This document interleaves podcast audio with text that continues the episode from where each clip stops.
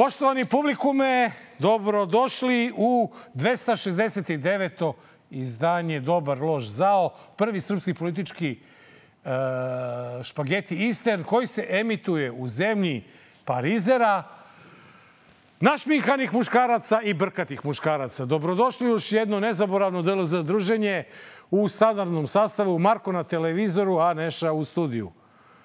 Gde si, Nenade? Evo. O, evo, sad je sve kako treba. Brkovi su na mestu, šminka je na mestu, DLZ je na mestu, sve je u redu, brate. Znači, čekaj, imam ja, ovaj, a, si ti nabavio neku, neki parizer? Jesam, jesam, ali čekam da im čime ćeš ti da me iznenadiš tamo negde daleko u, u, u belom svetu. Ako se slažeš da mi krenemo polako, a? A, ovaj, Da pa krenemo ne- ne- polako. Ti imaš i nož, imaš i leba, imaš... I ima Mare sve. Mare, ja sam našao parizer, nećeš verovati, koji za razliku od Vučićevog parizera Dobro? ima čak 68% mesa. Njegov, njegov je ovaj, vegetarijanski. Njegov je brate. onaj Znači, vegetarijanski koji ima 3% mesa. Toliko malo mesa E, ima da... da tako je, da, ovaj, evo Mare, nek nam je sa srećom nova epizoda. Da krenemo, ljudi sa Parizerom, nije sramota. Kažete, izmotavaju se ona dvojica i lupetaju svašta, šilje, kosu, šminkaju se, puštaju brkove, jedu Parizer. Ali ljudi, Parizer jede i predsednik. Što ne bismo jeli i mi? Ovo je dobar, ima 78% mesa. Pardon, 68. Kad budu hteli da se reklamiraju, reći ćemo ko je.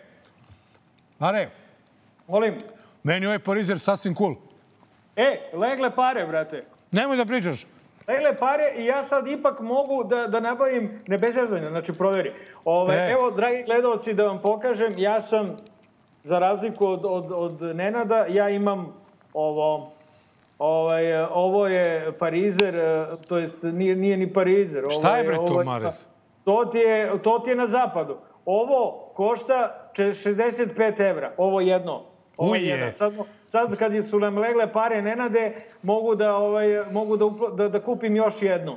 Ovo vam je od losa, od ovoga Irvasa. Irvasa, Eh, da, pošto da, sam ja da. Severno, da. Vidim, Irvasa- bledo je, bledo je. Salama od Irvasa ima, ima 6% mesa. Evo imam kada je. Jel valja? bre? Vaša, vaša je boja, sigurno. Misliš? Pa naravno to, kad zvuči Vaše- zgotivi to... Evo, Mare, ja ću da, da ovaj, uzem i leba koji nije pojeftinio, jer je naš leba najjeftiniji. Ja leba nemam. Ali, Mare, znaš šta, majonez nemam. Vi kao što znate, dragi naši, mi u avgustu nismo radili, pa nemamo platu za septembar. Tako da živimo od starih zaliha. Što bi rekao onaj e, a, čuveni e, italijanski e, sendvičar, pravi sendvičar, čovjek koji pravi najbolje sendviče, kako ono kaže, sa, sa sredinom ili ovaj, bez sredine, mi smo izvadili sredinu da duže traje napravi, sad ćemo da isečemo. Ja, kad je Mare ovakav parizer u pitanju, a često ga Ti se koristim, luksuziraš, Nenade, ja vidim da se ti luksuziraš. ja, Mare, volim da seče malo podeblje, da se oseti unutra, znaš. Jeste da kraće traje, ali nekako bude ukusnije. Nenade, priznaj koliko košta taj leba. Sigurno Ovaj, nije onaj... ovaj Vučićev, leba ovaj- košta, ja mislim, oko 130 dinara. U jebote! To je najjeftiniji leba koji postoji na planeti. U čoveče, pa čekaj, ne, stani, ovaj, ili jeftinije, vajda leba je nešto kod vas 45 dinara, 50. Pa nema, tako. Mare, to, to, to ne znam gde si video. Leb Sava. To nema. E, ovaj, braći i sestre, prijatno, idemo mi na prvi prilog.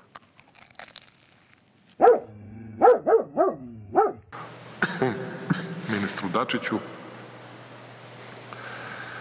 Ja se mučim malo sa ovom alergijom, zato sam ovako naduven i ponekad kašlim. Ako mogu da zamolim Bojana da mi ovu korpu donesete moju što sam spremio. Evo zašto sam ja htio prvo za Parizer da se uhvatim. Ovo je pileći Parizer. Ova cena je, redovna cena je za danas 399 dinara, bit će od, od srede 259,99 dinara. Dakle, reč je o ogromnom pojeftinjenju. Ovo je jogurt, redovna cena mu je 164 dinara 90, bit će 139 dinara 90. Ovo je deterđent za pranje posuđa. Redovna cena je 126 dinara u stvari, a ova će nova cena biti 69,99, odnosno 70 dinara. Ovo su neke špageti, neke testenine. 75 dinara je cena, bit će 49,99. Ovo je mleko dugotrajno. Redovna cena je 109,99, bit će 95. Ovo je sok, ako se ne varam, Delicious Apple. Jabuka 120 dinara, bit će 80 dinara. Krompir, e sad da vidim, redovna cena je 99 dinara, moći ćete ga nabaviti dobar krompir za 60 dinara.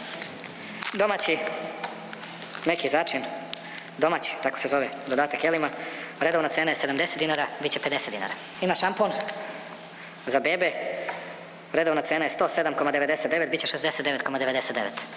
I ovo je kafa, dobro kafa, 100 grama, cena inače 139,99, bit će 89,99. O, ja sam pojao svoj jedan list tiš deri, to baš te briga. O, ma, Stvari, znaš kako je? Znaš šta bi mogao? Mogao bi da mi pošalješ, ovaj, pošto je kod vas jeftinija i bolja salama nego ovde u Europskoj uniji, ovde skupo, brate moj, znači jedan list salame 65 evra, drugo kvalitet neproveren, katastrofa, mesa, malo sve nokti i, i krzno i ovaj kopita od, od losa i papci, šta li već los ima, ne, ja ne razumem norveški, kupujem na slepo. I ovaj, tako da molim te, jedan, ali ne taj, hoću Vučićev Parizer. Hoćeš Vučića, eto ako uspem da, nađem. Znači, jedan, jedan parizer, e ti treba još nešto, ajde, daj brzo dok možda, kad legla Daj plata le- ti kupim. Jogurt, ti Nenade. treba jogurt? Treba, brate, ovi ne znaju šta je jogurt. Pokušao da kupim jogurt, oni mi, oni mi daju neki, ovaj, od, od, od, neke ribizle slatki jogurt. Ma brate, nema dobro, ono nećemo jogurt to. normalan. Pravi onaj gusti, hoćeš gusti da se luksuziraš.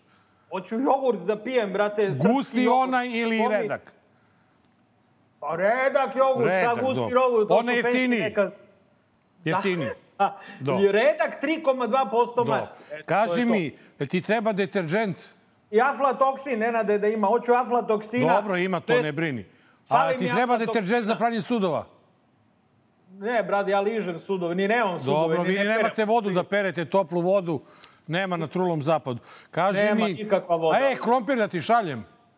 I krompir šalje, ili za ovo jovanjice. Paradajz i krompir. Pravi, domaći, nemoj da brineš, organski. Jovanjički. Šalji, šalji Jovanjički. nešto. Dobro. Sve šalji crko kod gladi. Kafu imaš, to ne treba, to ni ne piješ. Ne pijem kafu. Ne, za ne goste znam. jedno, ono kao za Ali- slavu. Ali dobru kafu, Kafu, do- dobru kafu bih mogao. Dobro, dobra kafa. Dobru kafu. I na kraju ja bi ti ipak kao jedan mali poklon poslao i ovaj šampon, da imate da se operete tamo malo.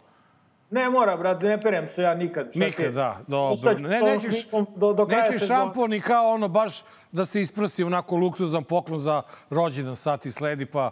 A? Plaća mi šampon, to eventualno da pijem ako dobijem čir. To je kada dobijem, nema šta ako. Ovde. Dobro. Sigurno, na zapadu, Dobro. Nenade, u Evropsku uniju je takav stres, takvo, takav užas. Znači, čir mi je garantovan, šampon može zbog toga. Eto, da pijem. Čuo sam se pije Ne, šampon. ne da piješ ima- šampon, ja ću ti pošljem šampon da se opereš.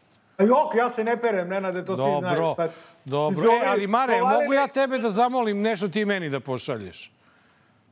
Šta, brate? Pa daj jedno, dva, par litara dizela mi spakuj nekako.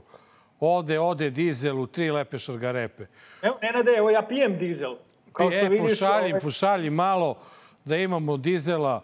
Ovaj, Njam, e, njam, njam. zanimljivo- Dizel je stvarno, dizel je stvarno jeftin, Nenade, ali ne znam kako da ti ga... Dobro, mogu da ti jedan pošaljem u boci, a mogu i pismo, razdajnicu kad ti budem pisao, ja ću da je utopim u dizel. Utupi, pa ja ću ja onda cedim posle. Ti cedi, lepo E. bit će ti sad do, da do trafike da kupiš još malo leba. Eto, taman. Pa da dodem da ti kupim ovaj parizer i ove stvari što treba. Nego, Mare, mi se sprdamo i zezamo sa ovim, a u stvari on je počeo preizbornu kampanju. Uh, znaš šta, prvo on je, on je, uh, nije počeo predizbornu kampanju, on je počeo PR kampanju za uh, ovaj uh, prehrame trgovinski lanac koji je upravo reklamirao. Dakle, gledali smo ga kako reklamira proizvode koji mogu da se kupe samo na tom mestu, nećemo kažemo kom dok nam ne plate reklamu, njemu su uredno verovatno platili ispod stola i donedali mu crvene korpi. Ono čemu smo svedočili, to je uh, prvo Vučićevo suočavanje sa potrošačkom korpom. On se prvi put posle 53 godine susreo sa ovim proizvodima. Znači, neverovatno je gledati, on, znači, on je glumio da on, mislim, nije čak ni glumio, on kaže, ako se ne varam, ovo je sok. On ne zna šta je sok. On zna samo šta je rujno vino. Znači, to ono- kaže, To ono Petrus, ono vino, O- onda, onda kaže, ovaj, znaš, on ni jedan proizvod koji izvadi, on ne zna šta je. On ne zna šta je jogurt, on ne zna šta je parizer. On je gledao onu salamu, vidim, svi ga zovu ovaj, parizer, ja ću, zahvaljujući Miroslavu, ovaj, a, a, ko, mom prijatelju sa Instagrama koji nas redovno gleda, ga zovem Salamander. Dakle, Salamander je izvukao salamu i on nije znao ovaj, šta, šta se sa njom radi. Znači, on je, on je stvarno, čekaj, provjerim da mi se čovjek zove ovaj, uh, uh, Miroslav, jeste, Miroslav, jebi ga. Znači, stalno se dopisujemo, čovjek iz, izvaljuje, stalno deli sa mnom ovaj, i dobro i zlo. Miroslav je rekao Salamander. Dakle, Salamander izvukao salamu, razmišljao je par trenutaka šta s njom da radi i onda se setio da to ide na leba i majonez. I Znaš šta, Nenade, on je ovaj, a, a, a ne znam da li je ovo predizborna kampanja, njemu je ceo život provodi u predizbornoj kampanji. Ne znam kako ti komentarišeš ovaj, o, ovo što je on od, posle prozivke, volite buvo, ti redeš, ja nemam više. Ja sam imao jedan list, brate. Znači, nemoj mi praviti zazubice, dekoncentrišeš me, brate. O, vratit ću se kada se vratim vidi, sutra. Vidi kako, je, vidi kako je debelo. Ne, da, da nešto, da mu pokaže malo, da ga zezam. Vidi, Mare, kako je. Ajmo malo. A, a, a, a može, može. E, tako, Mare. Ti kajem. Ništa, piću ja dizel, baš me briga. Dizela makar ima, nafte ima u Norveškoj koliko hoćeš, sad to što je salama jeftina, baš, skupa, pardon, baš me briga. I što ima 1,5% mesa. Uh, šta kažeš ti, Nenade, što je on, ali mi ne znamo da li on to radio, jer mi smo prvi, naravno, smislili, on je znao, naravno, kao i obično, on je za sredu ujutru kad zna da smo mi već snimili epizodu, najavio da će drždere ovo što je ovaj, reklamirao građanima. Dakle, mi smo, a zna da ćemo mi da jedemo, jer mi uvek jedemo, razumiješ? Da. Mi jedemo više i češće od njega. Koliko god on ždrao, pasulj, šta je već zdravo sve jebote, ne znam više šta je jeo. Ovaj, uh, Mi smo, šnica... zahvaljujući njemu, jeli lignje, jeli ajvar. smo, jeli smo ajvar. paštetu, ajvar, ajvar, jeli smo ćevape, nemoj da zaborimo ćevape, i evo sad smo jeli, sad smo jeli ovaj parizer, ali Mare, zaborili smo jedan deo. On je uh, najavio na ovoj konferenciji za štampu da će penzioneri između 25. novembra i 5. decembra dobiti svi po 20.000 dinara jednokratne pomoći. To ti je negde oko 250 miliona evra besplatnih para za njega, a jako skupih za nas, koji će dobiti penzioneri u oči e, izbora. Tako da čovek ništa ne radi e, neplanski. Ovo je još jedno poniženje naroda maksimalno narodu uvaljuju parizer koji ima 3% mesa. Ja ne smijem da pomislim šta ima u onih 97. I Vučić je uspeo da znači, skrene priču na to da eto brinu o siromašnim i tako dalje. Mene samo zanima ako smo ekonomski tigar takav kako jesmo, kako uopšte onda imamo siromašnih ljudi, kako uopšte onda imamo situaciju da će ljudi da se guraju u prodavnicama i da jure taj parizer od 250 dinara kilo.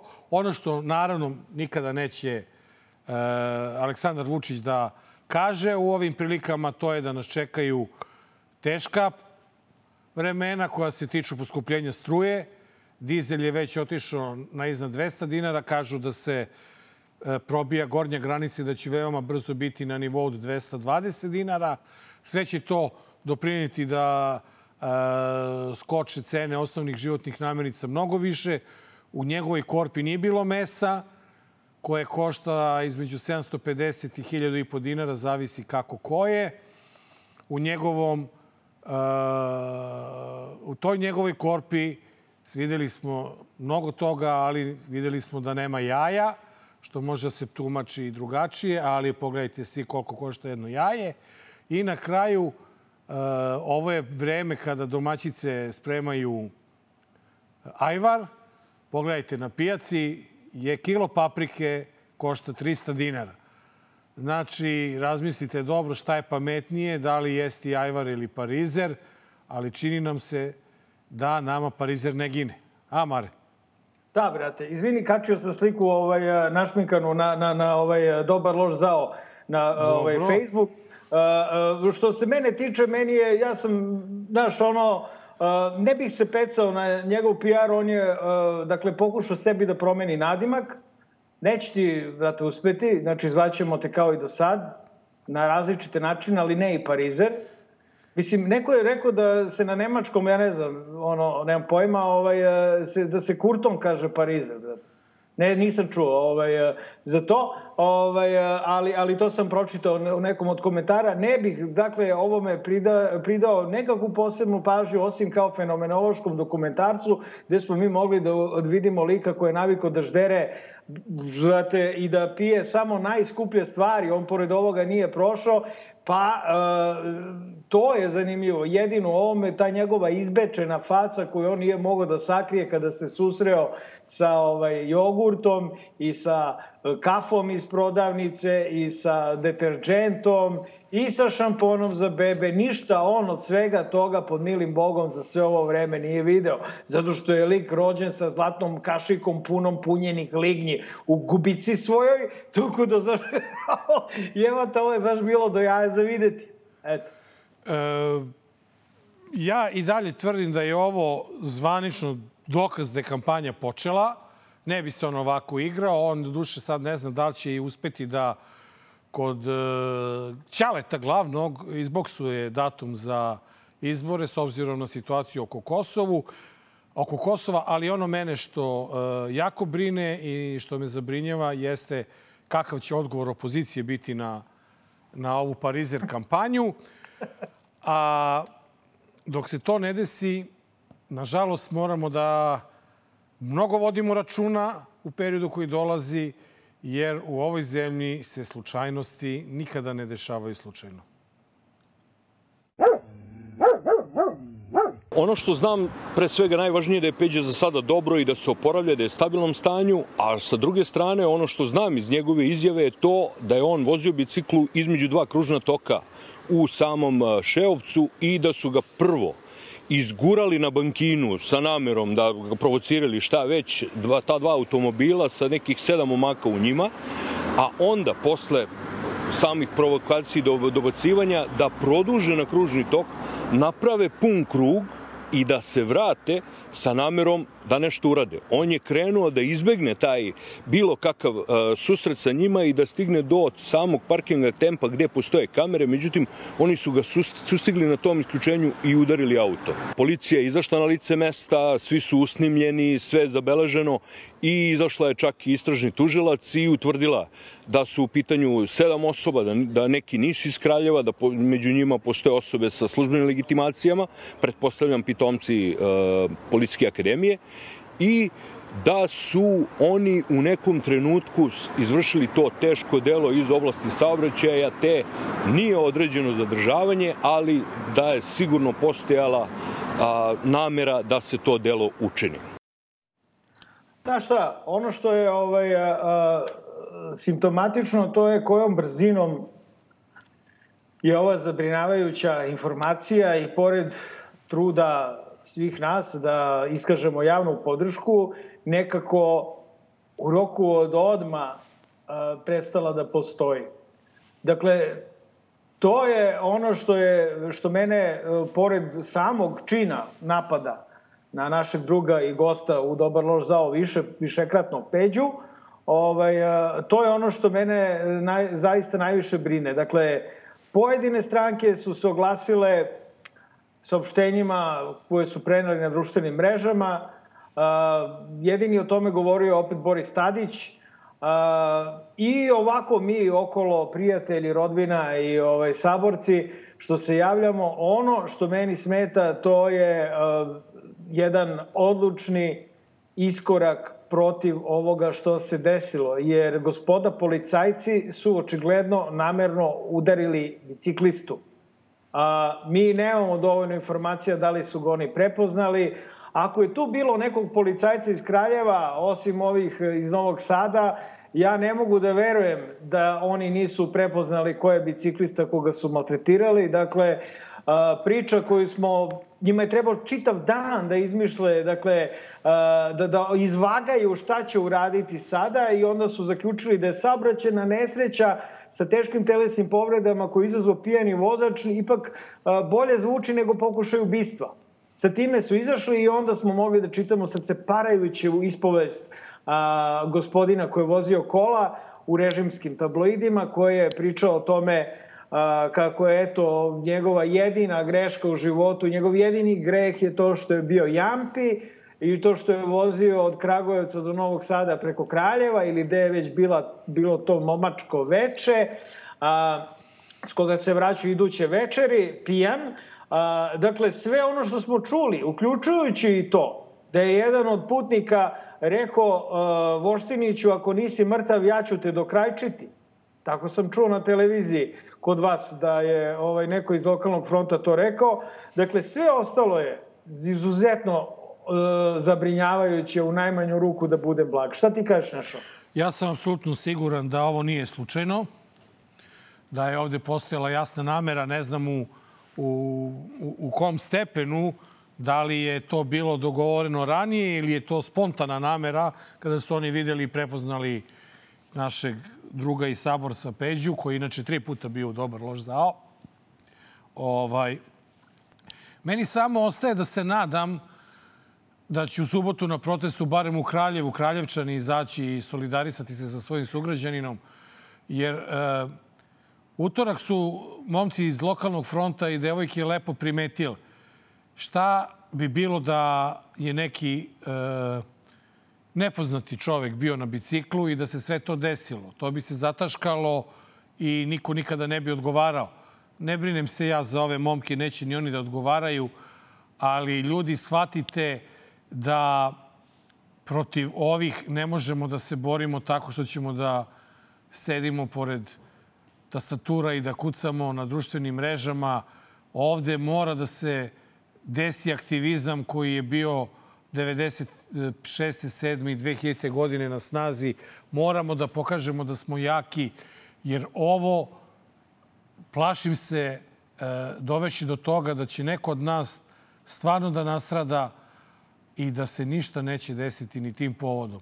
Da niko ne bi nastradao, ajmo lepo da se borimo za ove ljude koji su barem do sada napadnuti.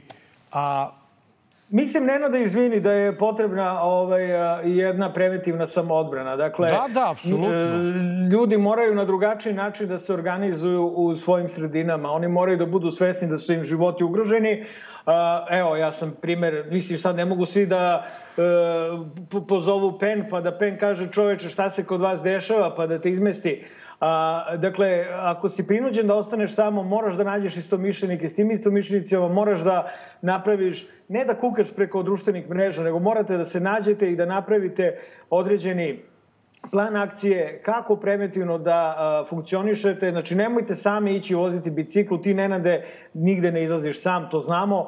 Ovaj, a, a, dakle, i pod video nadzorom si ljudi, naročito vi koji se ističete, a, pazite, dakle, organizujte se i e, dajte do znanja da ste organizovani. Znači, mora da se ide na jedan malo viši e, nivo organizacije i mora da se shvati da e, su zapravo oni koji se usude da kritikuju taj režim tamo najugroženiji. Pritom ne mislim na opoziciju. Mislim na, mislim na one, naš, opozicija se eto drži zajedno, vidjet ćemo i, i kasnije ovaj, i njih ipak, znaš, ono, šti, štiti ih i budžet i njihove, i njihove pozicije ovaj, koje trenutno imaju, dakle, u parlamentu i to na, malo su zaštićeni, usudio bih se da primetim, od jednog Predraga Voštinića koji, evo, očigledno, ni putem medija nije zaštićen, jer on je bio vrlo kratko prva vest, ja bih ga držao kao prvu vest sve vreme na svim nezavisnim medijama, ali ja nisam urednik nezavisnih, ja nisam urednik čak ni ove emisije. To je Nenad. e, hvala ti na unapređenju. A, Molim. Hoću samo da ti kažem da sve, sem definisanja ovog krivičnog dela kao pokušaj ubistva je katastrofa. I još jedan poraz srpskog pravosuđa, Znači, ako neko namerno napravi po, ovaj, uđe u krožni tuk da bi se vratio i da bi uradio nešto, to je u saobraćaju pokušaj ubistva. To nije ne znam šta. To nije slučajna saobraćena nesreća koja može svakome da se desi.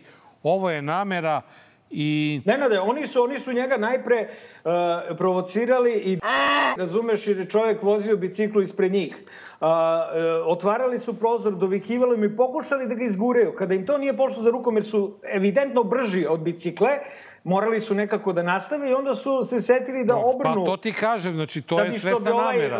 Da bi gospod... Ne, Iako nije, su ne, pijani... oni su, išli, oni su išli na pumpu, imali su 1% popusta na pumpi, zato da. su se okretali. Tako da, kaže da. Dečkić, Jasne. koji, koji, ovaj, koji je uh, pijan oborio biciklistu. A u ostalom, vreme brzo leti, vidjet ćemo na kakvim će se funkcijama ti kadeti Policijske akademije uskoro naći. Ko, ne, ima da te hapse, Nenade. pa to ti kažeš. E. Da. A e, naša opozicija je preduzela e, odlučan korak u borbi protiv e, vlasti Aleksandra Vučića.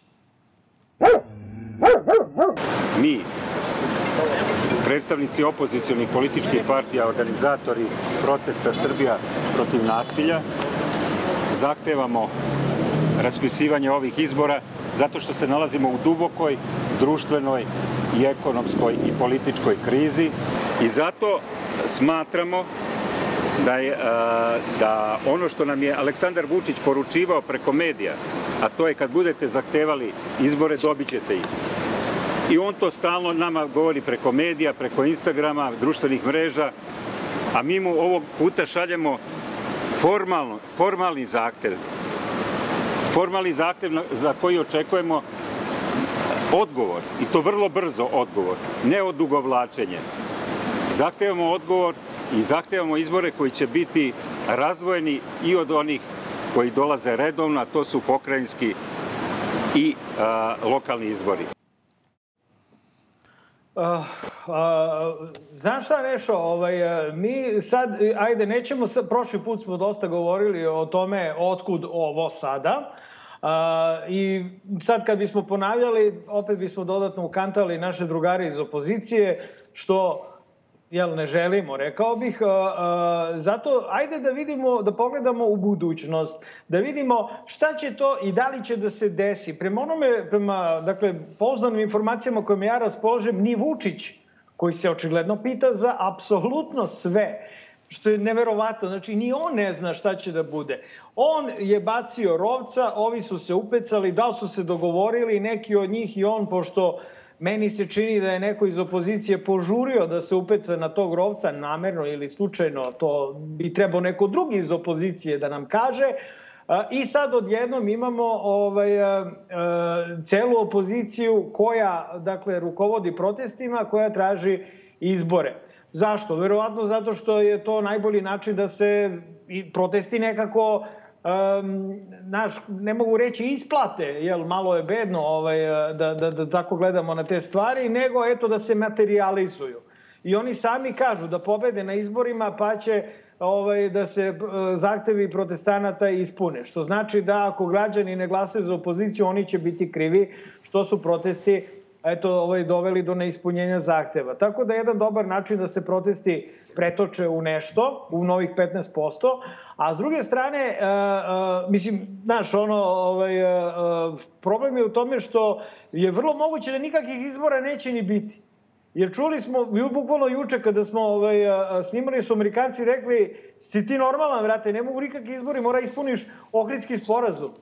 Znaš, A, tako da šta ti misliš, Nenade? Da li će izbora biti ili ih neće biti? Ako budu, da li ćeš izaći na glasanje i za koga ćeš glasati? Ja ne mogu, ja sam mnogo daleko, a da dolazim nešto baš i ne bi. Oh, uh, mnogo si mi pitanja postavio, ja sam, odgovorit ću ti, ali hoću prvo da kažem da opozicija ima veliku šansu da pokaže karakter i da pokaže da stvarno zaslužuje ovakav tretman i kod nas i kod naroda, a to je ako bude čvrsto opstala uz taj uslov da izbori budu samo vanredni parlamentarni i vanredni beogradski.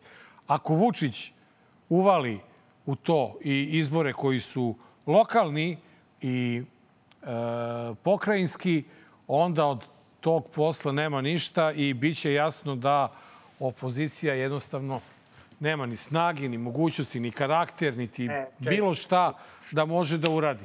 A na dobrom je putu Mare, da se to desi, jer Vučić je već juče napravio neku kalkulaciju u fazonu, aha, oni traže da ja raspišem izbore u decembru, što znači da izbori ne mogu da budu pre 2. marta, a 2. mart je već polako termin kada bi mogli da budu raspisani lokalni i pokrinjski izbori, jer se sećaš, oni su održani da li marta meseca 2016. godine ili aprila, ne, mart mesec, mart, februar.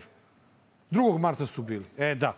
Evo, gos, gos pomoć. Tako da se plašim da će, da će Vučić da nasanka i da će opet da sprovede svoju agendu, ne bi li svoje ime dao za sve izbore koji, koji treba da se dese sem predsjedničkih i ja očekujem da opozicija pokaže svoj karakter i da ispuni to svoje obećanje ili kako bi ga ja nazvao, da insistira samo na parlamentarnim i na uh, uh, beogradskim izborima. S tim I u dobro, vezi... i, šta, i čekaj, Nenade, i šta ako ovaj ne da, onda bojkot, šta?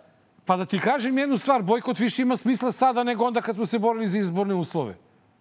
Više ima smisla sada, jer on neće da ispuni ni jedan zahtev, neće ništa, omalovažava, vređa, kaže da su nepismeni, da su ovaki onakvi. Aj mi daj jedan razlog zašto bi izašao na sve izbore i njemu učinio. Mislim, to je ono što ti kaže, Mare. Navlačiš me da kažem nešto zbog koga bi DLZ mogao da stvarno bude ono okačen, okačen ono kao ono neka najgora moguća stvar na opozicijonim zidovima, jer to stvarno ne želim. Ali kažem ti, eto, ja u zavisnosti od toga da li će izbori i zašto će, na šta će oni pristati, zavisi to da li ću ja izaći, da li ću glasati. Evo, odmah ti sada kažem. I to, vidi, više sam prestao stvarno da gajim iluzije o jednoj izbornoj listi i tako dalje. Vi pozivate narod da se ujedini. Brate, svaki dan se delite. Sad ste se podeli zbog, ajde da ne psujem, zbog, zbog Facebook stranice. Ljudi moji, ili je moguće da ste toliko neozbiljni? Dajte bre, mi, mi dolazimo u vreju situaciju da Parizer moramo da kupujemo 250 dinara, vi se brinite za Facebook grupu koja ima 80.000 članova.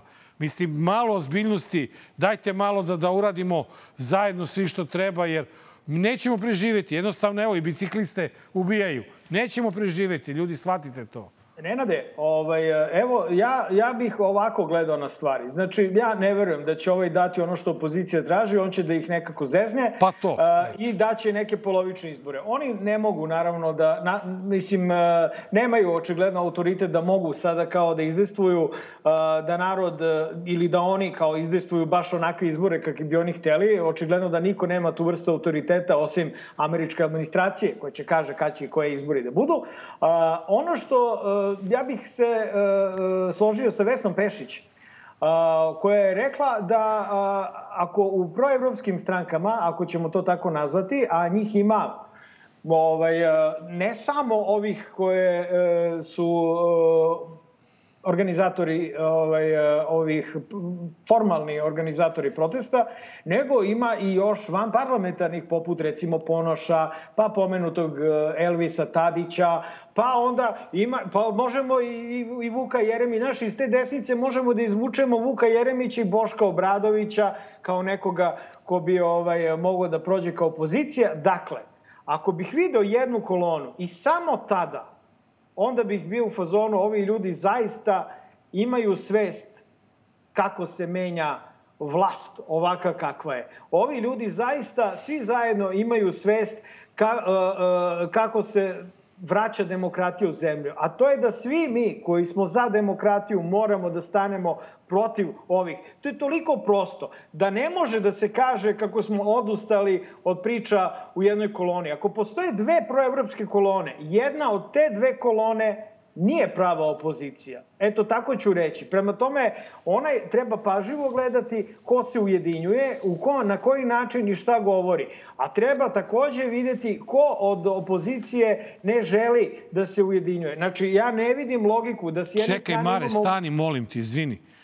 Ti pričaš da vidimo ko neće da se ujedinjuje, a oni se razjedinjuju. Pa evo... Razjedinila imamo, se imamo... Narodna stranka, razjedinilo se zajedno. Kako, se, imamo- kako će to da se ujedini? Aj mi objasni, Pa molim te. evo, imamo, imamo, dakle, imamo prvi korak. Imamo, dakle, ujedinjenje DS-a, Zelenovića i Ponoša i Rumuna. Dakle, to, evo, to su četiri. Svako može tu da dođe, tako su oni rekli. Prema, naravno, ja bih nenade da ja sam opozicija, ja bi prvo naravno sastančio, sve se dogovorio, a onda bi izašlo nas desetoro ili E, dvadesetoro pa to i je rekli, to, to je dobro, to." ali ne može, ne može, Ne očigledno može. nije to takva opozicija. E, E. Sada, znači, zamisli sad, imamo u jednoj koloni ovo, a u drugoj koloni imamo Đilasa, ovoga a, Pavla Grbovića, ako tu postoji uopšte razlika, i ne znam, gde će Ćuta, gde Ne će... davimo Miki Beograd. Aleksić, Gde će ne davimo Beograd. Znači, već to je po meni nešto što nije, znaš, Vezan Pešić je u pravu, kao i uvek. Ovaj, znači, to sve što sam nabrao mora biti zajedno. Inače, neko tu među nama nije naš. Ali ne možemo ti, ja Nenade, koji smo izopšteni i cancelovani od strane iste te opozicije, da nagađamo ko tu nije naš, nego treba neko iz opozicije da skupi hrabrost i da kaže, evo ljudi, Jasno. mi mislimo da ovi rade... A ne da pričaju zapravo- nama, a ne da pričaju nama po protestima ko A i šta ogovaraju jedne i druge. Čoveče, ogovaraju najstrašnije. Nemojte, brali, izađite, recite otvore. Nemoj Nenad i ja ispadamo grbavi. Dobar i loš i zao pra, kvari posao. Ne, dosta toga. A, možda bi opozicija mogla nešto da nauči i od starog Vuka, a to je Svetislav Pešić.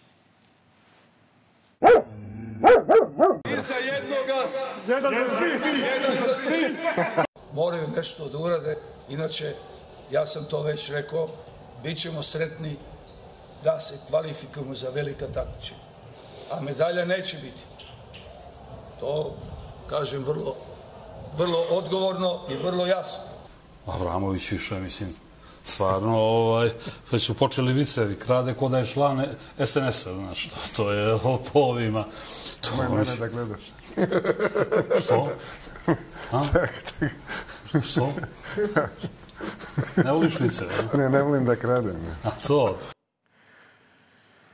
E, jadni ti momci, svi se otimaju oko njih. E, dakle, o, vidim, mislim, nema šta se otimaju. Zna se čiji su oni. Išli su na prijem, dobili su lovu, dakle, i bili su na balkonu. To je ekipa ovaj, koju oni pripadaju. Naravno, oni pripadaju i celom narodu koji ne želi da, da, da, da, da, da vidi ovo malo pre što sam naveo. Čestitke, srebro sija zlatnim sjajem. Ja ovaj prvenstvo nisam pratio. Ne mogu, brate, iz ubiča neću da davim više uopšte, jer sam vidio da nema ono svrhe, vidim da svi odlepe, polude popuno kad se nešto igra, zaborave, brate, ono, na sve podele, patriotizam je jači od svega, izgube razum, počne, brate, da vlada Srbija, Srbija, da se igra kolce, brate, da se cepaju trubači. Ja to nikada nisam mogao da shvatim, naročito ne sad, tako da, eto, to je bio moj komentar na ovo. Čestitke, bravo. Moj, moj komentar je da niko nije očekivao da će momci da uzmu srebro. Uzeli su. To je isključivo njihov uspeh i Svetislava Pešića, u koga ni ja nešto nisam imao naročito poverenja, naročito posle evropskog prvenstva, ali nisam se oglašavao. Čovek radi svoj posao najbolje što ume kao i, i, i, i mnogi od nas. Ali Mare, on je dao jednu žestoku kritiku SNS-a i rekao je da ništa od medalja neće biti ako nastavi ovo da se radi u budućnosti, a nastavit će se, nastavit će se sa forciranjem Crvene zvezde, nastavit će se tako što će da se pravi mali ovaj kao balans tako što će da se poz, ovaj, pomaže i Partizan i mi nikad više zdrav sport dok i ove vlasti nećemo imati, a sve ovo što se dešava i što je uradio Đoković sada ponovo, to su individualni kvaliteti koji niko nikome ne može da Nešto ospori. uradio? Pa uzeo je US Open. E, stvarno. Ste. Tako da, čini mi se da sam malo iznervirao jednog snimatelja, ali nema veze. Navijam i ja za zvezdu, ali šta da radim kad je tako, tako kako je. A eto vidiš, brate, ljudi su ostrašćeni do te mere, znači neverovatno je koliko ja ljudi vidim koji su, daš, do juče bili normalni, onda se igra neki basket, oni potpuno polude krenu da srbuju po društvenim mrežama. Ma da ne, ti nije ovo srbovanje, nije ovo srbovanje. A šta ovo je, Nenade? Ovo je više Objasni odnos je. u Crvenoj zvezdi. Ovaj, Ne, ali, nego ovako generalno dobro, zato što ste se vi cigani međusobno... pa to ovaj, je e, to.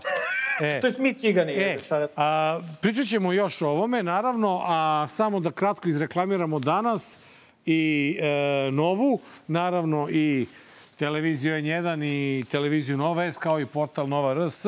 Idemo kratko na džingl i vraćamo se u studio gde nas očekuje razgovor s našim gostom. Dobar. Loš. Zao.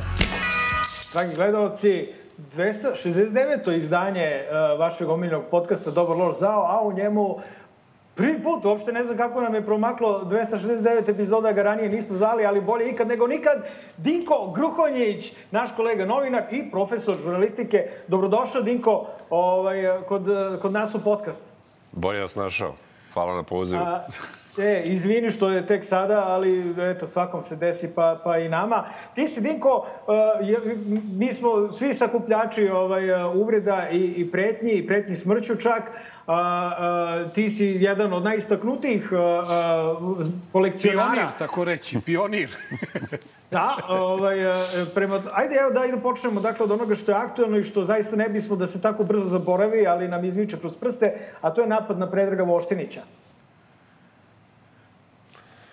Pa napad na Predraga Voštinića je zapravo ono što se zove, što je još jedna epizoda normalizacije nenormalnog, jeli, ovaj, i to je ono što mi živimo svaki dan i to je ono što zapravo uzima, uzima maha sve više i to je ta crvena linija ovaj, o kojoj često govorim, koja, koju još uvijek nismo prešli, a preći ćemo je kad umesto samo da, po, da povrede ovaj, Predraga ili, ili, ili nas trojicu ovde ili još, još mnoge druge hrabre ljude koji srećom, koji srećom još uvijek ima u Srbiji, kad nas počnu otvoreno mlatiti, pa što da ne i ubijati jeli, ovaj, po ulicama, jer kao što znamo, to su potpuno isti izvođači radova kao oni iz 90. godina, ali čak i personalno su isti ljudi u pitanju, jel, tako da ne treba imati nikakve iluzije da će Sileđija ustuknuti ovaj, pred eh, našim apelima, pred našim saopštenjima.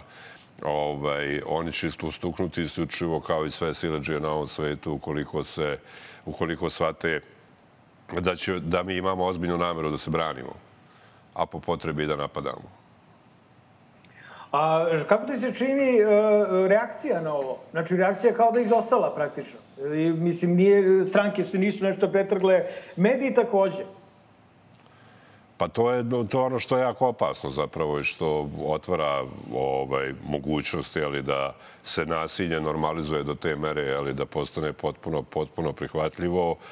To je ta neka vrsta, kako da kažem, ljudi su oguglali na takve, na takve vesti danas, sutra, jeli, ako bi se, ne daj Bože, nekom, recimo, od nas trojice koji smo ovde ovaj, u studiju, što virtuelno, što fizički nešto desilo, ljudi bi samo klimnuli glavom i rekli pa okej, okay, mislim, to nije ništa neočekivano. Kažem opet, ja sam dovoljno mator, pa se sećam 90. godina, pa se sećamo, jeli, i kakva je stigmatizacija bila tokom 90. godina prema raznim ljudima, ovaj, jednako, jednako kao i sad, e, i kako su ti ljudi zapravo bili odstreljeni, počeo od naših kolega Dade Vujasinovića 94. Slavka Ćurovije 99 pokušaja atentata na Vuka Dejana, na Dejana Anastasijevića. Na Dejana Anastasijevića, pa na Vuka Draškovića. Ra, pa... Ranko, ne, Ma Pantić iz Jagodine, da ne zaboravim. Pantića, da, njega su ubili posle 5. oktobra 2001. Da, da ovaj, pa Zorana Đinđića koji je morao, morao da pobegne iz Srbije, da se skloni jeli, u Crnu Goru. Ovaj, tokom bombardovanja. Da. Tokom bombardovanja koje, čije su ubistvo zapravo pripremali svih tih koliko godina, koliko je on bio na političkoj sceni e, i gde su ljudi zapravo shvatili ko je bio Zoran Đinđić tek, tek kad su ga ubili, pa smo imali, ne znam, 500.000 ljudi na ulicama Beograda. Dakle, to je, to je ta reakcija, kako bih rekao, jedno kuvanje žabe na najgori, na najgori mogući način da se ljudi naviknu na nasilje, kao što su se mi bili navikli ovaj, na nasilje kad su, kad su počeli ratovi. Kako je moguće da, da, da ništa nismo naučili? Pa nismo naučili zato što mi u- umeđu vremenu se, kako da kažem, rodila naša deca, ovaj, pa su ta deca porasla, pa ta deca nemaju prosto ovaj, biološko sećanje na, na 90. godine. Oni imaju to posredno, kao što sam ja imao o drugom svetskom ratu iz priča, ali potpuno druga stvar kad to ostiš na svojoj koži i kad znaš koliko je to opasno i kuda to sve može da, da odvede ovaj, ako, u poređenju sa onim kad, kad slušaš od, od, od, od matoraca, jeli, ovaj, šta, sve, šta sve dešavalo 90. godina. Jeli. Ljudi začas zaborave, to je valjda neki odbranbeni mehanizam. Jeli, ovaj, lju- ljudi začas zaborave, zaborave na zlo, potisnu ga negde i, i to je čuvena jeli, ovaj, nada iz Pandorine kutije kad, je, kad su sva zla pokuljala, ljudi zaboravljaju da je nada bila u, u, u korpi sa zlom. Znači, nada je takođe zlo. Ovaj, I pored toga je slepa. Jel? Tako da, to je logično. Mislim, nismo mi po tome ništa specifično u odnosu na ostale homo sapiens, homo sapiensa. Mi smo samo malo fatalisti, pa mislimo da smo u svemu izuzetni, kako u tenisu i košarci, tako i u, nes, tako i u nesreći. Jel?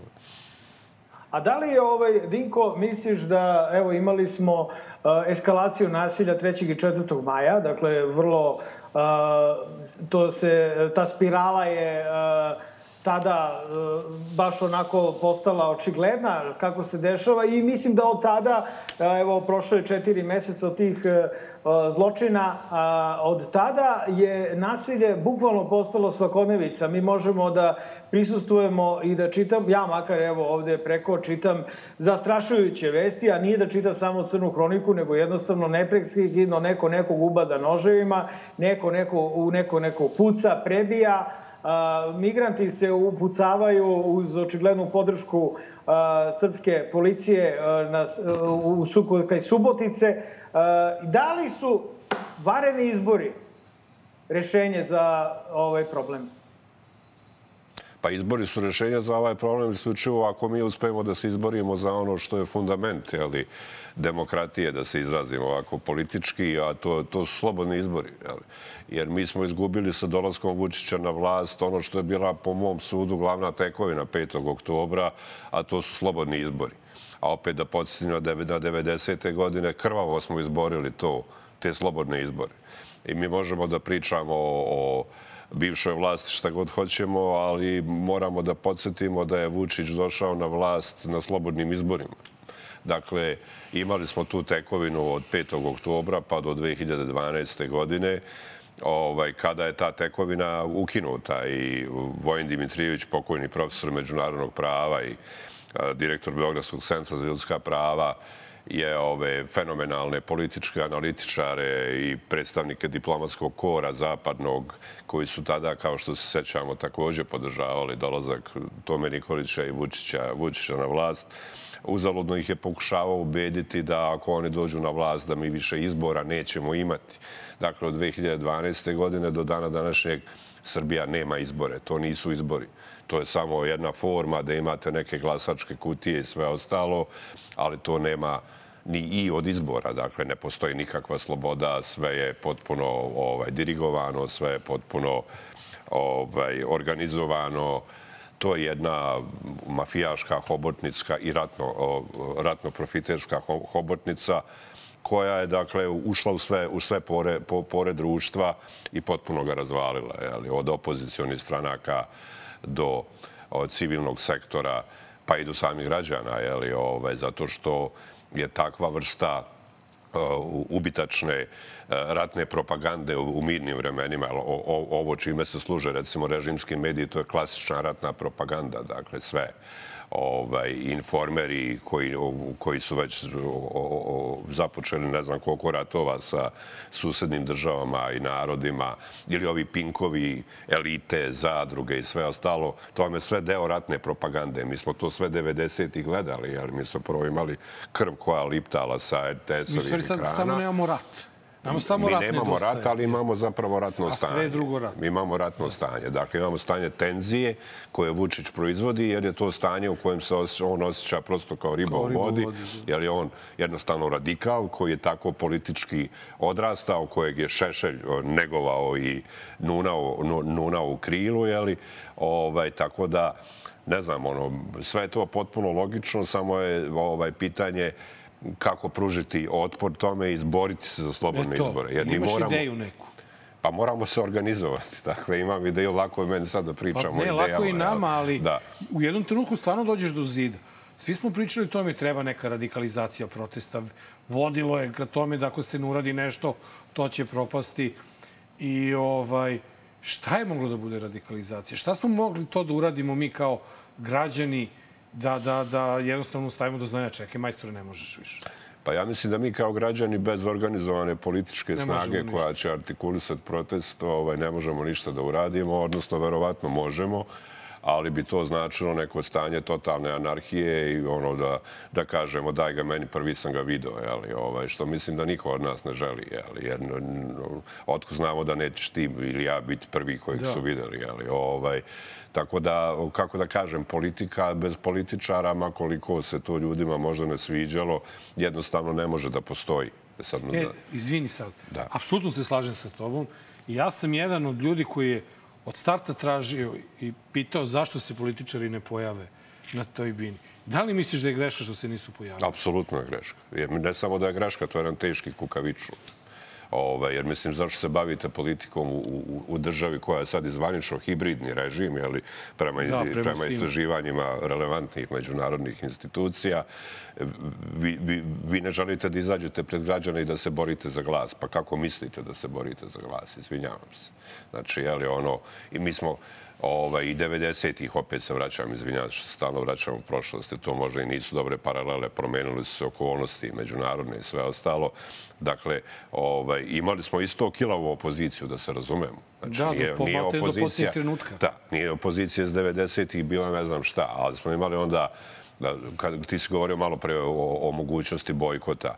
Bojkot da ukoliko ima suvisao cilj, na primjer, kao što je bilo i 90. godina. Imali smo dva, tri bojkota, pa, smo, pa, pa opozicija uspela da izdejstvuje ono što je stvarno tražila, ovaj, zato što je imala jasan cilj. Dakle, to nije bilo razvodnjeno na ne znam koliko zahteva, nego na vrlo precizan jedan zahtev koji se mora ispuniti. Milošević onda pokrao izbore 96. Ali, pa, smo, pa smo hodali mesecima, pa smo imali koaliciju zajedno. Imamo i sad zajedno ovo što se malo pre pričao, koja se raspada. I ta koalicija zajedno, je, sećamo se, mi isto bila vrlo na klimavim nogama, spomenuta Vesna Pešić, pa ovaj, Vuk Zoran i Vuk, Drašković da. i Zoran. Znamo kako su se oni isto lepo slagali. I onda, je, onda smo dobili bo- bombe po glavi i onda je, onda je vrag odneo šalu. Jeli? Onda više nije bilo ovamo ili onamo, nego smo dobili DOS. Mi smo se zezali u to vrijeme. O, zamislite mene koji glasam za Koštunicu, to je prosto neverovatno, jeli? Ovaj, dobro. Ima nas više. Da, ali, ali, ovaj, ali je, ili za DOS u kojem je bilo bivših generala Vojske Srbije, Crne Perišića, Gore, da. Perišića, ovih onih Obradovića. kandidata za Haški tribunal, jeli? Ali došli smo do zida kad je bila va- varijanta ili on ili mi. Znači, ili naš život ili njegov A zatvor. još nismo došli do... Pa, je... pa ja mislim da smo odavno došli do toga. Ja mislim da smo odavno došli do toga. E sad, znači, e, kažem, ti 90. godina ovaj, je naročito Zoran Đinđić bio čovek velike energije i on je zapravo napravio ono što politička partija mora da bude. Politička partija, ma koliko mi misli da danas živimo ne znam kakva tehnološki razvijena vremena gde možemo da komuniciramo sa glasačima. Ja znam opozicione političare i političarke koji, ne znam, imaju 250.000 pratilaca na Twitteru i onda se iznenade kako su loše prošli na izborima. Pa ne možeš na Twitteru da vodiš To je kampanju. ono, da. Mislim, možeš, ali ti moraš otići, kao što je pokojni Đinđić radio, moraš otići ovaj, od juga Srbije pa do severa Vojvodine, pa razgovarati s ljudima. Znači, jedan gest je dovoljan da dođeš i pitaš kako ste ljudi i da im osnuješ, ne znam, ja mesni odbor ili opštinski odbor i tako dalje ovaj, i da nađeš partnera pre svega na zapadu koji, koji će te u tome, u tome podržati. Dakle, to ovako sve, meni je lako da pričam, ali ja se ne bavim politikom. Dakle, ovaj, pa eto imam taj luksuz ovaj, da se predstavim kao famozni politički analitičar, jel, kojih je tušta i tma. Ovaj, ali mislim da jednostavno politička partija bez infrastrukture ne može da postoji. I to je to. O, ovo što mi sad gledamo, nažalost, na opozicionoj sceni, od onih protesta prvih, još od protiv diktature, ako se ne varam, to je bilo još 2016. pa preko Saše Jankovića, pa preko jedan od 5 miliona. Šta smo sve prešli? Ja? Šta smo sve prešli i znači rezultat svakog protesta je zapravo bilo dodatna apatija i dodatno gubljenje energije iz razloga što niko nije imao hrabrosti da taj protest politički artikuliše, da rizikuje izlazak na binu, da rizikuje zvižduk. Mi smo to na kraju krajeva u vreme demonstracija 90-ih također doživljavali. Da neki ljudi prosto nisu bili dobro dočekani na bini. Ali to je politička odgovornost. Moraš izaći pred građane i moraš reći ja sam taj koji ima hrabrosti da, on, da, da vas pita za zdravlje i da se suprotstavi ovim bitangama. Je, Dinko, reci. malo pre si pominjao ovaj, da treba naći podršku na zapadu za, za, za tako nešto. Čini mi se da postoji, ne bih rekao podrška, nego vrlo jak ruski uticaj sa druge strane, koji je, čini se, najjači u Srbiji, a onda iz Srbije se preliva u ceo region. Da li misliš da je Srbija u popunosti pod ruskim uticajem ili Vučić uspešno balansira između, kako on to voli da predstavlja, istoka i zapada? Pa ono, patetično govoreći, srce na, na, u Moskvi, a lova, a lova je u Briselu, lova je u Briselu i u Vašingtonu. Jel? I nije, mislim, da budemo potpuno iskreni, nije Vučić ni prvi ni posljednji koji se, koji, koji, koji, koji se tako ponaša kad je, kad je, kad je Srbija u pitanju. Taj, taj mit ovaj, kako bi rekao, pan slovenski o Rusiji kao majčici ovaj, svih slovenskih naroda, a u ovom slučaju naročito ne samo slovenskih, nego i pravoslavnih, seže do pa možda i 200 godina unazad, dakle, od, od, od, od, od, od srpskih ustanaka pa do dana današnjeg. Dakle, to nije, nije apsolutno ništa novo. I da, Srbija jeste ono, apsolutno ekspozitura kremaljske e, propagande, a boga mi, ovaj, e, recimo mi u Novom Sadu imamo naftnu industriju Srbije koja je začudo je sedište još uvek, još uvek u Novom Sadu. Ovaj, I tamo vi imate ta... jedinu rusku firmu stvari u zemlji. Da, da, da. da ovaj, I tamo ta, ta velika zgrada ovaj, u delu grada u kojoj ja živim na, na, na Limanu, dakle ona nije samo, to je javna tajna, ona nije samo sedište kompanije, ona je sedište FSB-a za Balkan jeli, ovaj, odnosno KGB-a, kako više volite. Jeli. I, I naravno, ona je, ona je, kako bih rekao, glava hobotnice odakle se širi, širi i novac, jeli, odakle se finansiraju takozvane reke slobode u Crnoj Gori, koje su jel, dovele do ovoga, do čega su dovele u Crnoj Gori, ili nove nade poput Draška Stanivukovića ovaj, da, da, u Republice su, Srpskoj, jeli, koji isto videli smo ovaj, do, do, dokle je došao. Tako da je taj ruski uticaj prosto apsolutno sve prisutan. Mi na njega upozoravamo, kad kažem mi, mislim, ono, redki ljudi, nažalost, nažalost u Srbiji, upozoravamo i zapadne diplomate, upozoravamo i famozne, famozne Amerikance koji su naravno svega toga svesni. Ali pitanje za sve nas je zapravo ko je drugi politički faktor u Srbiji sa, kojom, sa kojim, recimo, o, Washington ili Brisel ili Moskva može razgovarati sem Aleksandra Vučića. Ja znam ima, da je pitanje nezgodno. Ima, ima to ne, ima ali... neka ta ideja da, to sam čuo, mogu setim od koga iz perioda DOS-a, da ni sa njima niko nije hteo ozbiljno da razgovara dok nisu pokazali da imaju 20%. Ja mislim da smo mi daleko tih 20% i dalje, ali činjenica da neće ni taj zapad da troši ni vreme, ni resursa, ni lovu na nešto što nema, na, nema efekta. Na nešto što je za na kraju kraja... A ovaj može da, da završi. Tu, tu imamo, u toj ekipi opozicijno imamo vrlo mutnih tipova. Jel? Da. Ovaj, znači, mi, mi, mi kao prvo nemamo ono to isto jel, priča koja se ponavlja ovaj, tu i tamo u ovom delu kritičke javnosti. Dakle, mi smo imali zastave, ne znam, nija Amerike, Velike Britanije, famoznu zastavu Ferrarija na protestima 90-ih. Sad zamislite da, da, da se nas trojica pojavimo sa američkom zastavom na protestu ili, ili sa, ne znam, nemačkom zastavom. Pa velike su šanse da bismo dobili batin. Jel? Ovaj, dakle, ako želite da budete partner, politika je veština mogućeg, dakle, pošto politika nije mašta, ovaj, onda morate da pružite ruku na onu stranu ovaj, odakle želite da ovaj, Da, dobijete, ali dobijete možda, partnera. možda je opozicija ovoga puta išla na tu varijantu e, veštine mogućeg i zato nije poslušala narod na ulicama kada su vikali Vučiću odlazi, nego su insistirali na manje atraktivnim zahtevima. REM, Informer, Pink, ovaj, Vulini i Bata Gašić i RTS. Jer e, uporno se skandiralo Vučić odlazi svuda. Jeste. I to izgleda niko sem Vučića nije čuo. Jeste. Ja imam taj utisak. Jeste. Pa ne znam što, što se mene tiče, ja se slažem apsolutno sa, sa, s tim da Sa tim jedini, zahtevom. jedini zahtev je Vučiću odlazi. Dakle, treba priču zategnuti do kraja. Dakle, svi znamo da je Vučić osoba koja brine od Parizera pa do, ne znam ja, ovaj, do atomskih bombi. On, on zna i da li će Putin da ovaj, opali atomsku ili neće. Ovaj, dakle, ako je Vučić problem, kao što je Milošević bio problem, onda Vučiću odlazi. Dakle, to je, to je ono što se mene tiče jedini suvisao zahtev oko kojeg možeš da mobilišeš zapravo ljude, jer- on je simbol zapravo svega toga što mi živimo, živimo svaki dan, a mi zapravo živimo nasilje. Mare, izvoli ovaj sa...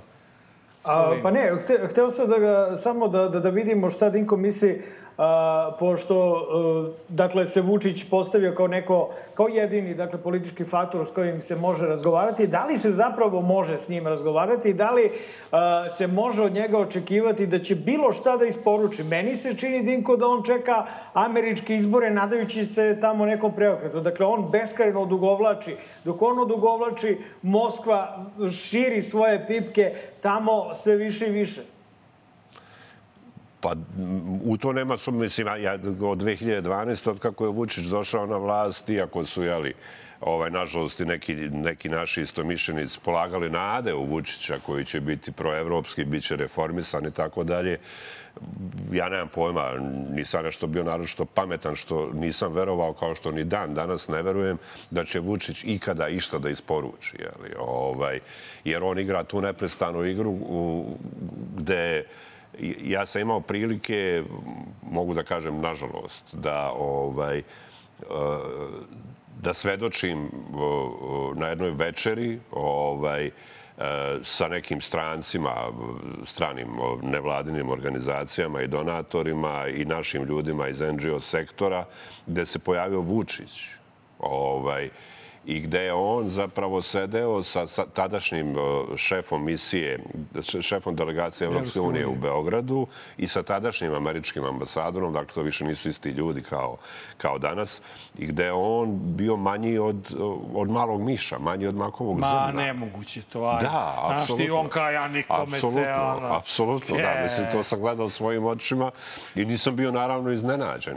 To, je, to je ta šibicarska igra, jeli? Pa, ovaj, on ima priču za njih, ima priču za nas, jeli? Ovaj, I to je to, kao, a, gde, a gde je kuglica, ali to je, to je ne- neprestano njegova, njegova igra, jeli? koja je providna, ali je on s druge strane, e, zbog toga što je, da se ne lažemo, on imao zeleno svetlo sa zapada da dođe na vlast, kako bi rekli drugovi sa zapada, on možda jeste ovaj, bastard, ali je naš bastard. Ovaj, odnosno, naše kopile. Jel? I to nije ni prvi ni posljednji put kad, je, kad, kad, su te geopolitičke igre u pitanju. Međutim, on je za tih 11 godina uspeo prvo da a, u, u prvim godinama je a, demokratska stranka a, potpuno razvaljena, uništena na najsitnije komadiće iz front slana. Ljudi su ovaj, bukvalno prošli ne, ne kroz toplog zeca. Teško reći, ja znam pojedine sudbine pojedinih visokih funkcionera demokratske stranke ovaj, koje istine radi ni matična stranka nije, ovaj, nije, nije uspela da zaštiti jer su se svi plašili za, za svoju egzistenciju. Tako da je on razmontirao demokratsku stranku kao nosioca opozicije. Jeli? I to momenta su zapravo njemu otvorila vrata ovaj, da, da vlada kako hoće i da dođe ovu situaciju Mare da bude jedini sagovornik, sagovornik Zapada jeli, ovaj, ili, ili, ili bilo, koga, bilo koga drugog. Jeli. Ali mi ne možemo neprestano da se vadimo, kao što kaže jedan moj prijatelj, ovaj, vrlo kritički nastrojeni teolog iz Šibenika, evo sad da reklamiram, malo Da, bio sam ovaj, na, bio si na ovom na ovom festivalu, festivalu. Fališ ovaj, u Šibeniku, Branko Sekulić, kaže, ja, ja ne želim da, da kukam, da, da li ja imam pre, pre, pre, prijetnje u Šibeniku? Imam moja porodica je ovakvog i onakvog etničkog jeli, ovaj, po, porekla, ali ja sam odabrao da kritikujem crkvu. Crkvu Hrvata ili takozvanu rimokatoličku crkvu i crkvu Srbije ili takozvanu srpsku pravoslavnu crkvu. Ovaj, I to je moj izbor. Dakle, ako je moj izbor da, da se bavim kritikom i da javno nastupam, ja ne želim da kukam. Ja želim da se organizujem. Dakle, ako je tvoj izbor da budeš opozicioni političar ili političarka, mani me kukanja. Nađi načina da se organizuješ. Jer sad je prošlo već 11 godina. I mi smo i dalje u nekom vakumu i mi i dalje tako, odnosno oni, Oni, dakle, 2023. kalkulišu da li će izaći na stage i obratiti se ljudima. Pa mislim, kako da tražiš moj glas onda na izborima? Kako neko da postane uopšte lider, kako da... Pa da, upravo tako. Upravo tako je. Tako Dinko, da... samo, samo pre nego što pređemo na Magareći kuta kratko da pogledamo i situaciju u regionu. Ti si a, bio zapažen kada je Jako Milatović postao predsjednik Crne Gore. Ti si odmah rekao ovo je, ovaj, ovo je isto Moskva to je isto, ovaj, on je klerofašista i tako dalje. Bio si vrlo otvoren u, u kritici. Kako ti se čini danas situacija u Crnoj Gori i odmah zatim možemo da prelijemo ovaj, analizu ili da li možemo da, da te stvari razdvajamo ili da ih stavimo u isti koš. Hteo sam da te pitam za situaciju u Bosni i Hercegovini. Pa da, mislim, ja, ja nemam nikakve dileme da ko je Jako, jako Milatović, a situacija u Crnoj Gori ukratko bi ukratko izgleda upravo onako kako je Vučić zamislio da izgleda. Dakle, sad imamo te mučne pregovore o novoj vladi i sve ostalo zapravo je cela poenta u tome da se vlada što duže ne formira. Ne samo zbog Dritana Abazovića, jeli, koji je Vučićev proksi od samog početka, iako se lažno predstavljao, ovaj, nego zbog toga da se Crna Gora prikaže kao nefunkcionalna država koja zaslužuje protektorat, a, a naravno da ćemo protektori biti mi iz Beograda. Jeli, ovaj, kao... Najbliži smo, ko će? Pa da, i već smo to, već smo to isprobali 918. Jeli? Toliko dugo, ovaj, da. Tako da imamo, što bi rekli, know-how, jeli, a i treba nam malo to toplije more, jeli, ovaj, pošto, pošto ga mi još uvek, još uvek nemamo. Jeli. Tako da, to je poenta. Vučićeva strategija u Crnoj Gori je da pokaže da je Crna Gora nefunkcionalna država. I ovo će se vući sa pregovorima oko vlade do Bog te pita dokada. Tu imaš proksije koji su od Ritana Abazovića, Jakova Milatovića i, ovoga Spajića, koji su takođe bili ministri, sećamo se, u Amfilohijevoj vladi, jeli? Ovaj, tako da, što se mene tiče Crna Gora, čini mi se da je to to i oni su u dobroj meri, evo sad je već prošlo tri godine ovaj, od, od, od litijaške ovaj, kontrarevolucije. E, oni su u dobroj meri, nažalost, uspeli da rasture jednu državu koja je bila zaista lider u evropskim integracijama. To nije nikakva patetika, to je pro, prosto fakat. Jeli? Ovaj, ja koja je sad daleko od Evropske unije, skoro, skoro, skoro kao, kao Srbija. Jeli? Bosna i Hercegovina je u užasnom stanju isto zbog Milorada Dodika pre svega, ali i zbog ovoga Dragana Čovića iz, iz HDZ-a, odnosno ovoga hercegovačkog vlastelina, jeli, koji, koji pomaže Dodiku. To je ta stara priča o pokušaju podele Bosne i Hercegovine između Srbije i Hrvatske, ne samo od vremena Miloševića i Tuđmana, nego, ovaj, nego i ranije uključujući i drugo zasjedanje Avnoja kad je to bila velika rasprava oko toga da li će Bosna biti republika ili neće i tako dalje. Ovaj, tako da Bosna i Hercegovina na ovim osnovama na kojima je sazdana kao, kao Dejtonska država, kao što je rekao jedan moj prijatelj, liči na čoveka koji je pao sa četvrtog sprata, ove, nekim sticajem okolnosti Preživeo. preživeo i onda su došli bolničari, to je ova međunarodna zajednica, odnijeli ga na nosilima, prebacili ga u bolnički krevet i došli nakon šest meseci. Nisu ništa radili, kosti zarasle ukrivo, jeli? Ovaj, i pitaju ga zašto ne može da igra futbal i čude se. Eto, to je Bosna i Hercegovina. Dakle, jako puno licemerja, jako puno ovaj,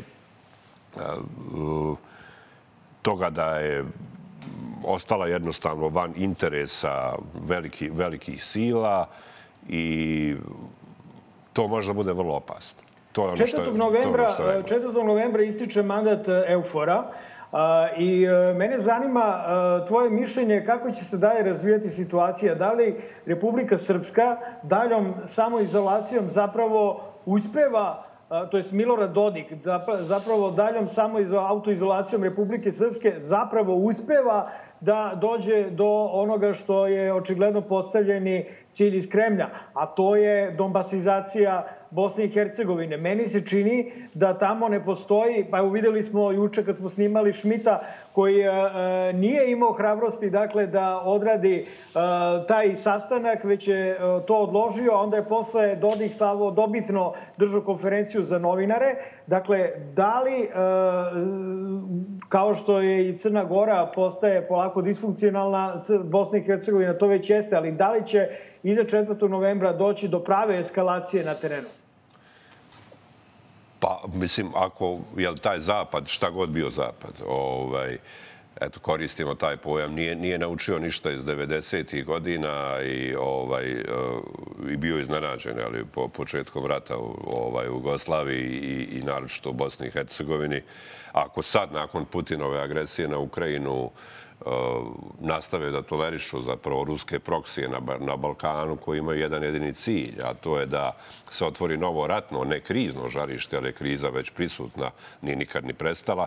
Dakle, novo ratni, ratno žarište u Evropi, onda, onda tu nema neke velike ovaj, nade, niti, niti pomoći, pogotovo unutar same Bosne i Hercegovine. Ali, a to ne treba podceniti, tu vrstu opasnosti, e, sve iako je prošlo 28 godina od Srebrenice, ako, iako je prošlo 28 godina od, od, od prestanka rata, ovaj, te, mi zapravo živimo i dalje neko vreme zamrznutog rata, naročito u Bosni i Hercegovini. Ne treba ovaj, uopšte gajiti iluzije da ljudi nisu zakopali puške, maljutke, noževe i ostalo i da i da može opet da, kao borova šuma u Dalmaciji, da se, da, da, da se zapali dok si, dok si rekao keks. Ali ja nekako ne verujem ili prosto ne želim da verujem ili još uvijek imam snage da se čudim ovaj, da će u, kažem, u vremenu Putinove agresije na Ukrajinu Zapad tolerisati bilo kakvu vrstu uh, proksija Putinovih, Putinovih na Balkanu, samo što će im trebati očigledno malo vremena, ali imaju, imaju i, neke, i neke druge prioritete. Životu, da. Ova, ja sam, nadam također, prilično sam siguran da se Vučić preračunao glede Trumpa, to si isto malo pre, malo pre spomenuo, i da Trump neće ovaj, doći, doći ponovo, ponovo na vlast, ali sve u svemu čekaju nas nažalost zanimljiva vremena. Vremena, da. Ali bit će sve lakše uz Parizer. Apsolutno. ja nisam da. se pokazao kao dobar pa domaćin. Pa nisi, mislim, da. Ja se, ja sve gledam s ove strane, da, onako, biće nisu stigao ni da rušam, ali nema veze. Ovo, idemo na Magreći kutak.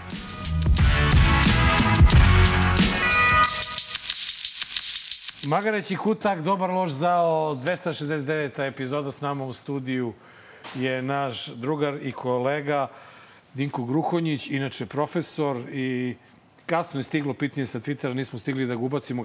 Pitali su ljudi kako ti kao profesor gledaš na to što ovaj, deca e, na fakultetima su malo, slabo zainteresovana za sve ovo i nema ih na ulicama, ali dobro, to ćemo drugom prilikom. Dobro, neka kaže šta kak je ako, ako, možemo a dok da, ja možemo da potom imamo sandvič jedan. ajde, ajde, Diko, to je stvarno zanimljivo. Ti si profesor, a mladi su ovaj, motor budućnosti. Da, što bi rekao drug Tito, ko, zemlja koja ima ovako omladinu, no, ne, mora ne treba, da brine ne, za ne svoju treba da brine za svoju budućnost. Jel? Ovaj, pa ja, ja sam, ono, kad govorim o svojim studentima, ja sam pre svega pedagog, jel? tako da ja, ja ne želim ono nikada da se gađam kamenjem na mlade, iako sam mator, pa imam sve razloge sad, jel, da ih mrzim iz dna duše. Ovaj, najgluplje reći kao, kao, kao recimo one dve nesretnice što su u Sarajevu. Dobile stipendiju. Jeste, do, ove, pa, pa ih je Vulin prebacio ovamo.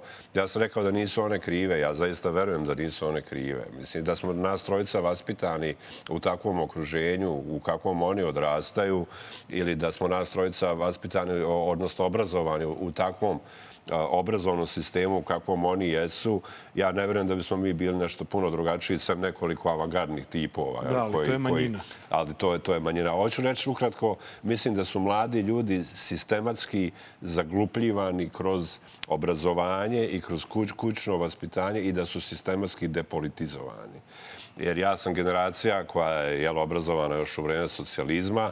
Mi nismo imali, mi smo imali predmet koji je zvao marksizam i socijalističko samoupravljanje. To danas klinicima zvuči kao naučna fantastika, ali mi smo u okviru tog predmeta učili osnove politike i koliko je politika bitna za naš svakodnevni život. I ja sam shvatio još kao klinac da politika nije samo Vučić i političari. Dakle, politika je i kulturna politika. Politika je kako vam izgleda vaša, vaša zgrada. Politika je obrazovanje i svašta nešto. A oni su uspeli tim ljudima znači, da potpuno izmaknu stolicu ovaj, da u obrazovanju ne zakače ništa od politike, da do, kod A malo i tehnološki napredak je učinio Fuj. svoje, pa je decu okrenuo na drugu stranu. Pa jeste, da, da. da Kad bi da, moglo da, nekako preko da, TikToka da. da se ruši vlast. Da, da, da, to onda, onda ne bi bilo problema. E, boli, boli ali ti svaki dan. Da. Mi imamo strašan problem i pokušali smo da o njemu i govorimo i u ovom izdanju Dobar loš zao. Ali ne možeš ti da se boriš protiv čoveka koji govori i kapira šest bukvara. To ipak ne može. Tako je. Tako je.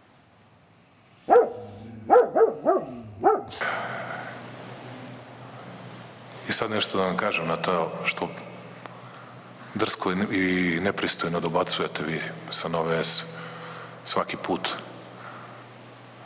što ste bili i politički angažovani pa nam objašnjavate kako niste. Dakle, da vam ja odgovorim nešto potpuno mirno. To što nemate dovoljno vaspitanja nije pitanje za mene, već za neke druge. I četvrti ili peti put vam ovo govorim. Dobro je da to promenite. Zdravo je, lekovito je, blagorodno je da to promenite. A da vam ukažem na razliku između mene i ovih koje podržavate. Na svako vaše pitanje, kao i danas, uvek sam insistirao da dobijete priliku da postavite ta najteža pitanja, jer sam znao šta će da vam budu pitanje. Ja vas čitam kao bukvar. Čitam vas sa 53 godine kao bukvar, a mogu da čitam bukvar bar na šest jezika. Ti si mislio da se ja šalio, a? Au. a? Ovo sam propustio. Propustio si ovaj bukvar. Bio sam to u Šibeniku. ne, ali ovo, ovo, mislim, bukvar je, bukvar je, mislim, smešna crta, međutim, ono što je problematično, to je to njegovo konstantno etiketiranje novinara koji nisu pod njegovom kontrolom. Da. I to onda izaziva posle ovo što svi mi doživljavamo na društvenim mrežama i te pretnje i te radne vizdove agresije. Sad je ostalo još i ta fizička eliminacija. Ali ovo nekako sve govori o tome da u ovoj zemlji, dok imaš predsjednika koji te etiketira određenu grupaciju, tu dobrog neće biti. Pa taj predsjednik je bio ministar informisanja 98. i 99. Da. Kad, su, kad je Evropa imala najdrakonski zakon u istoriji moderne Evrope o informisanju, ne računajući Gebelsove ali, ovaj, zakone.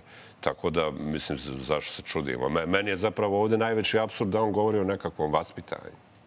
Jer o, ono što uh, svi mi koji jeli, ovaj, po, povremeno imamo tu nesreću da možemo otputovati iz Srbije, jeli, ovaj, i o, uh, pazite, tabloidi poput Informera, Aloa, srpskog telegrafa i tako dalje, da, da se neko ne uvredi, jel, ako sam nekog propustio, da se propustio se, da. Ovaj, ili televizije poput Pinka i Happy-a. Ja se izvinjam, to ne postoji nigde. To doslovno ne postoji nigde. Ili barem na meni poznatom delu zemaljske kugle. Verovatno postoji negde, ali evo recimo ne postoji čak ni, ni, ni, u, ni u Dodikstanu, ne, ne postoji čak ne postoji. u Banja Luci ne postoje takvi tabloidi. Postoje kao uvozni proizvod koji, koji, dola, koji dolazi da, da, da, iz da. Srbije. Ne postoje takve televizije. Ne postoje. Jednostavno ne postoje. Ovaj, I znate, to je zapravo strašno, ljudi moji. Jer je prostaštvo, primitivizam postao mainstream. I sad, sad on nama priča o dobrom vaspitanju. On koji se potrudio da svaki trag dobrog vaspitanja zatre. da najveće glupane proglasi, ne znam, nijam ministrima. Nekad je, kad sam, kad sam odrastao, bilo sramota biti glup. Da tako. Danas je to sasvim normalna stvar. Da budeš glup i da budeš, ne znam, nija voditeljka na Pinku, jeli, ovaj, i, da, i da budeš, da, da, da, da, budeš, da budeš zvezda. Jeli. Ovaj, I mi zapravo nismo ni svesni koliko je to opasno kada se ludost, glupost, primitivizam, vu- vulgarizacija svake vrste Udruže.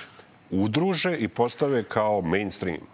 Dakle, jeli, ide... E, to mi živimo, Da, nažalost. da, pa da. tako. Svaka vrsta pristojnosti se smatra incidentom ili vas čudno gledaju. jeli. Kada je Krkobabić svoje vremeno, ovaj, ovaj, najstariji sada, Krkobabić broj 2, rekao da ako pobedi opozicija, ostaćemo bez penzija, svi smo se smejali. A, ne znam šta bismo rekli sada na ovu verziju Krkobabića. I mi ćemo jače da se borimo. Zato što ako vi pobedite, nema plata i nema penzija i nema puteva i sve će biti onako kao što je bilo dok ste vi bili na vlasti. Amare, si čuo Čaleta? Pa znam ja, to je u pravu je. Oni su toliko sve rasturili da je u pravu. Znaš, ve, već toga sada nema. Imamo najvišu inflaciju u Evropi, tako da, znaš, ono, ako, ako, ako oni izgube a, Dinko, to će da bude kao u Makedoniji kada je Grujevski smenjen, pa onda su krenuli posle Pa su onda videli koliko rupu je iskopao. Tako da rupa koju su ovo iskopali, po mom mišljenju, je nešto što neće moći tako brzo ako je ikad da se zakrpi. Šta te misliš? Pa naravno da neće opet ovaj, kao repriza, ali to je ta čuvena zamena teza, sad kao bivši režim je uništio Srbiju. Jeli? Ovaj, pod brojan to nije bio režim, kao što smo rekli malo pred, imali smo barem slobodne izbore i još to, još I to je šta bilo nekoliko i- kombinacija i tih vlasti bilo. A šta su oni uradili od, od, od recimo, od 88. od jogurt revolucije u Novom E, to Sadu, pa do teo. 2000. godine? Imam, pop, imam popis. Imam popis. Gledaj, našli smo na, na internetu. E, stanje na dan 5. oktobar 2000, 2000. godine. Tako je. Dug je bio 220 od 100 BDP-a. Plata je bila 60 dolara, izvoz je bio 1,5 milijardi dolara, devizne rezerve su bile 400 miliona dolara, država je dugovala 13 penzija, nije bilo ulja, šećera, brašna, grejanje i struje. Za dobijanje pasoša bila je potrebna dozvola vojske, a za ulazak u EU vize. Sve to od 2000. do 2012. se vratilo u normalu, a ovi nam pričaju da je to upropašteno. Mislim, imao sam ovu potrebu, su stvarno ovo taksativni podaci koji su mi se učinili veoma zanimljivi za spomenuti. Pa naravno, mislim, za- zamislite tu vrstu laži, pa ono kao, ok, to možda lažeš ljude koji to nisu doživjeli, ali, ali mi koji smo to doživjeli, dakle, sad sam rekao, nije bilo struje. Sećamo se toga, dakle, nije bilo struja, kamoli, ka, ka, kamoli nečeg, nečeg drugog, jel? Tako da, dubina jame koju su, koju su nam sad iskopali, u ekonomskom smislu je sigurno ogromna, ali u civilizacijskom smislu je, nažalost, još puno veća. Jer je ekonomija, ja se ne slažem uopšte sa onim teoretičarima ovaj, političkim koji tvrde da je ekonomija, ukoliko budemo živjeli bolje, jer onda će ovaj, o- onda ćemo da procvetamo. Samo bi da podsjetim da je i Adolf Hitler gra- gradio autoputeve, jeli, pa to ne znači da su Nemci posle njegove vladavine uživali. Uživali. Ovaj, tako da ovde je situacija u tom civilizacijskom smislu, u tom posrnuću treba će nam, nažalost, generacije da se izlečimo. Diko, još jednom ti puno hvala. Pravo osveženje, čuti ovaj, e, e, malo stavova koji e, su neustrašivi, bez frke da li će da se naljuti neki proruski nacionalista kakvih je 97,6% u Srbiji. A, dragi gledalci, bilo ovo 269. izdanje Dobar loš zao. Gledamo se sledeće srede na isto mestu, isto vreme, 8 sati, istovremeno na Nova RS i YouTube. Nešice, Ja bi samo, uh, koliko god nama pokušavali da nametnu neki novi rečnik i neke nove stvari, nama će laku noć uvek ostati laku noć, a ne aj zdravo. U to ime želim da vam kažem da učutati nikada nećemo. Pozdravljaju vas vaši autori, voditelji jedine prognane emisije ovaj, u ovom delu Evrope koja se nalazi pod zaštitom Međunarodnog PEN centra. A vi dobro razmislite gde smo, šta smo i vodite računa koji parizer. Laku noć. Ajde zdravo. E, ponesite i ovo, dajte u kuhinju ovaj parizer i kačuju. Te uši, u najavi je pobeda Kada uzme majk знање да проповедам Напушавам одреда Свак фейк говеда шо величају лову Која е проклета, клинци што се ложе на Пријапе болида, кој у исто време не мож хода и да прича Систем вредности ништа, као и у видла Па се подају, пуцаваю за поштовање стрита Муда су до неба, јер ту е екипа Очи се доказују, кој е веќи